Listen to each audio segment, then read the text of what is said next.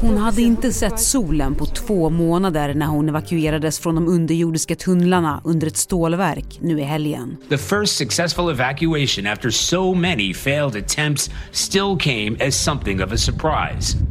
Vittnesmålen från de civila som lyckas fly från Mariupol är brutala. People are being buried in the streets, shallow graves, half a meter deep at best, with some earth on top, dead bodies all over the city. På en kvart får du veta hur ett stålverk hamnade i centrum för kriget och hur människorna som gömmer sig där lyckas överleva. Det är tisdag den 3 maj och jag heter Fanny Härgestam. Här är dagens story från Svenska Dagbladet.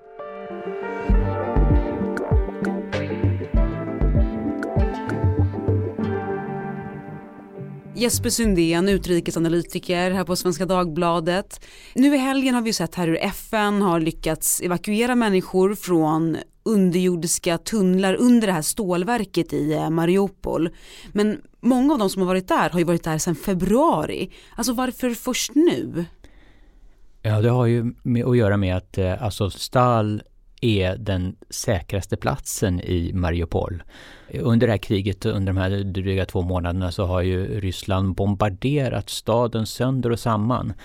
Och tusentals har dödats. Så att eh, de har ju helt enkelt eh, varit skyddade där. Eh, men nu börjar ju eh, lagren av mat eh, och förnödenheter ta slut. Tidigare försök har misslyckats när det gäller evakueringar, eh, bussarna har blivit beskjutna. Ehm, har det även varit i FNs regi tidigare som man har försökt evakuera? Nej, då, då har det väl mer varit eh, överenskommelser mellan ukrainarna och ryssarna. Och, och det som är, är, nytt nu är att det är FN och eh, internationella Röda Korset tillsammans som har lyckats få till det här. Och då har man faktiskt också haft två dagar av eh, eldupphör som är första gången sedan kriget började. Jag nämnde en kvinna här i intro till avsnittet som har pratat med nyhetsbyrån eh, Reuters. Hon hade tagit sig till eh, ryskkontrollerade områden inne i Ukraina. Men vart tar de evakuerade vägen sen? Vad vet vi om det? Alltså de här nu som evakueras i FNs och internationella Röda Korsets regi, de, de förs, de bussarna går till en eh, ukrainsk kontrollerad stad Eh, och eh, dessutom så har man, de, de, de är tänkta att fortsätta under måndagen här, vi vet inte det, ännu hur, hur, det går, men, men då har man också lyckats komma överens om att man ska kunna åka till eh, ett par byar som också inte ligger så långt ifrån eh, Mariupol. Mm, jag ska säga att det är måndag den 2 maj när vi spelar in det här avsnittet. Och vad vet vi om de här människorna som, som har befunnit sig där? Vilka är det? Ja, eh, under, under det här eh, Azovstal eh, finns, finns en, en, en underjordisk stad kan man säga. Eh, det, det, är byggt för att eh, kunna stå emot en kärnvapenattack faktiskt. Och det finns ett eh, internt kommunikationssystem och, och, och, och där eh, så har, ja från allra första början så var det ju, dels finns det fabriksarbetare eh, som finns där och deras familjer som de har tagit, lyckades få dit då i, i början av kriget. Eh, det finns också anhöriga till, eh, till till exempel eh, de Azov-bataljonen som finns där. Eh, det finns också människor som kommer från en, ja, den, ett en stads, den stadsdel som, som ligger närmast eh, mm. eh, stålverket som också tog sin tillflykt dit. Så andra boende liksom runt om i Mariupol som dras dit? För ja, det var det de som säkert. bodde närmast ja. ja så att, och det, det, finns ju, det innebär ju att det finns ju många kvinnor och barn. Det är ju inte bara, ja, och så soldater förstås, eh, men också en del fabriksarbetare. Och vad, vad är det för bilder som kommer ut från de här platserna. Precis som du sa, det är barn, eh, kvinnor, många har inte sett dagsljus sedan februari. Nej, de har ju, hållit, sig, de har ju hållit sig där nere och är ju alldeles grå och bleka och har ju haft det jätte fruktansvärt svårt naturligtvis när det har, ryssarna har bombat och bombat och bombat och bombat. Och dels med raketer, med artilleri men, men på senare tid så har man ju också försökt att eh, med sådana här enorma bomber som ska kunna gå på djupet så att säga, att, att nå bunkrar och så vidare. Men, men det här är, som jag sa tidigare, det, det, är, det finns tunnlar och, och bunkrar som, som är gjorda för att stå emot en, en kärnvapenattack. Och det är ju så att här det har ju funnits eh, till exempel vatten har det funnits gott om och vattenreserver eftersom man har haft vatten för att eh, kyla ner masugnarna eh, och, och det har även funnits eh, matförråd och, och, och, andra ja, ammunition och så vidare för soldaterna. Därför att man hade en beredskap redan före den 24 februari faktiskt för det här.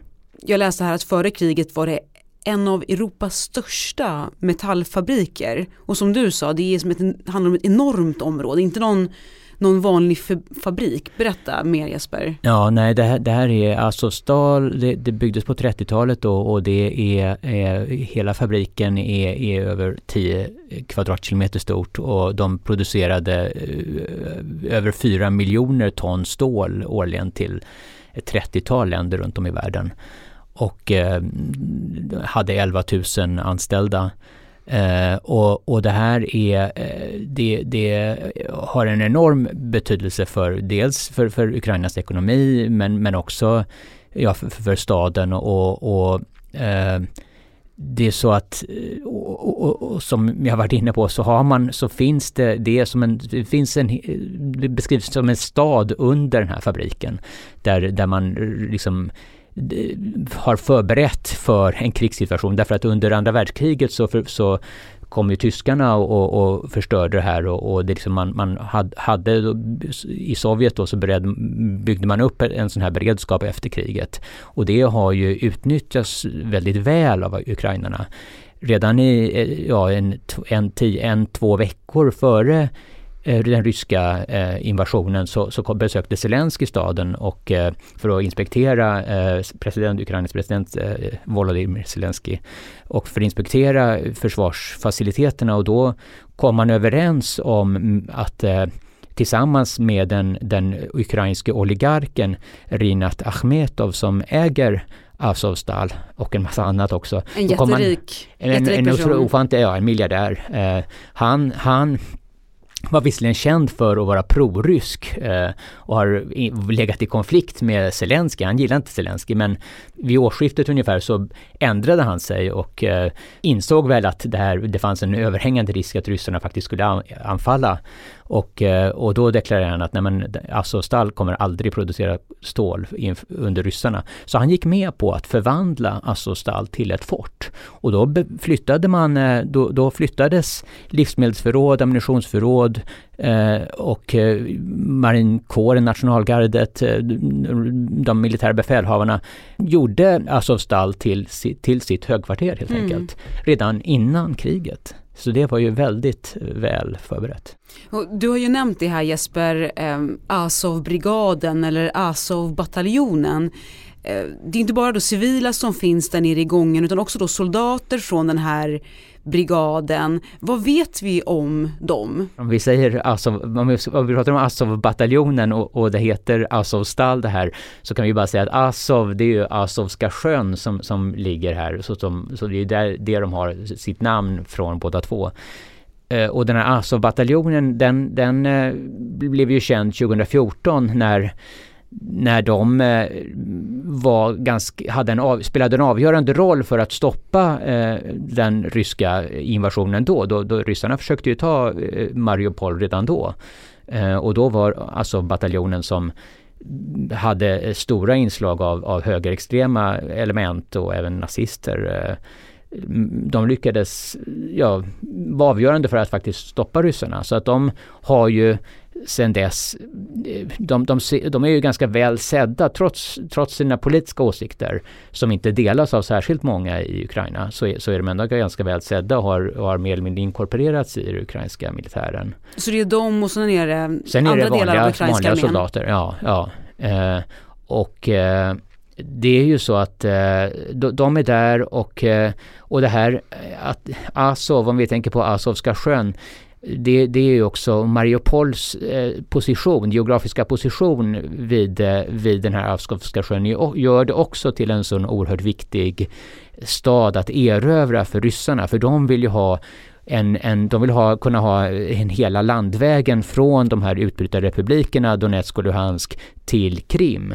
Så att man kan slippa, man kan, ja det förenklar transporter av varor, vatten, livsmedel och så vidare visserligen byggde de en bro då, en, en jättelik bro, men, men den, det är ju väldigt krångligt. Det är otroligt mycket lättare med en landförbindelse. Vi ser ju på nyhetsbilder hur eh, Mariupol ser ut att vara fullständigt i ruiner, en raserad mm. stad. Mm. Vad, vad, finns kvar av infrastruktur till exempel? Ja, enligt uh, ukrainska myndigheter så är det ungefär 20 procent max som, är, som inte är förstört av all bebyggelse i Mariupol. Och vi har ju sett nu evakuering av eh, ett hundratal civila hittills. Vad händer med de andra? Det finns ju en stor mängd människor kvar där nu under stålverket. Vad händer med dem? Ja, de, de får ju hoppas att, att de ska få chansen också. Eh, såklart. Men det är ingenting vi vet, det finns ingenting planerat i nuläget. Hur, hur ser det ut framåt när det ja, gäller? Det, det, det, är ju det är tänkt då att, att de ska fortsätta idag måndag. Samtidigt så finns ju den här aspekten av att det, den 9 maj så, så ska man fira den stora segerdagen i Ryssland. Och, och, Putin sa ju redan den 21 april faktiskt att åh, han berömde armén för att vi, de har lyckats ta Mariupol. Eh, och så sa han att ja, men vi ska inte bry oss om det här Azov, Azovstal. Vi, vi, vi, vi, vi, inte en fluga ska få komma ut därifrån. Vi, vi, men vi behöver inte, vi behöver inte ta det eh, sa han i ett möte med Shoigu som, som sändes i tv och i själva verket så, så har de ända sedan dess försökt att ta, de bombar, de försöker gå in i den här eh, anläggningen och ta det därför att de, de vill kunna säga på segerdagen den 9 maj att vi har tagit hela Mariupol, vi har tagit hela den här landsträckan. Men eh, Jesper, det här som Ryssland kallar segerdagen, vad, vad är det för dag? Jo, 1945 den 8 maj efter 23-tiden på kvällen så kapitulerade Tyskland och kriget i Europa var över. Och rysk tid då så var det ju den 9 maj. Och därför efter andra världskriget så, så byggde Stalin upp en kult kring, kring segern i det stora fosterländska kriget som man kallar det. Och eh, det var ju vid sidan av första maj-demonstrationerna och, och liksom en, en av de största dagarna i, i, i Sovjet.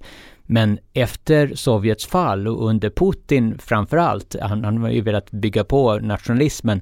Det finns ju första maj inte kvar längre, man firar inte längre arbetarnas dag. Så då är ju liksom 9 maj det är liksom den, det är ensamt kvar som den stora liksom dagen man paraderar, man visar upp alla militärer, man, liksom, det, det, det liknar lite första gamla kommunistiska första maj i, i, i Moskva.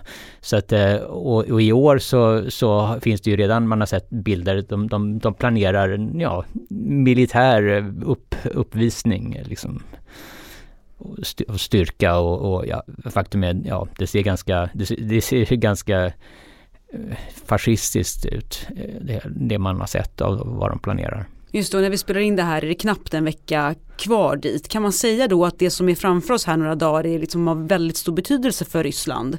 Har Mariupol en särskild roll att spela här inför ja, den där dagen? Ja, de kommer göra allt för att, för att ta det här. Och ja, det, de kommer nog ta till ännu grövre bomber för att försöka, och, och det, många fruktar ju att de även kommer använda kemiska vapen för att försöka gasa ut de som är kvar. Eh, så att eh, det kan bli otäckt. Tack så mycket Jesper Sundén för att du var med i Dagens Story. Tack. Du har lyssnat på Dagens Story från Svenska Dagbladet. Vi som gjorde programmet idag är producent Elin Romigliotto, redaktör Erika Hallhagen och jag heter Fanny Härgestam. Vill du kontakta oss så mejla till dagensstory.svd.se. Klippen idag kom från BBC och Al Jazeera.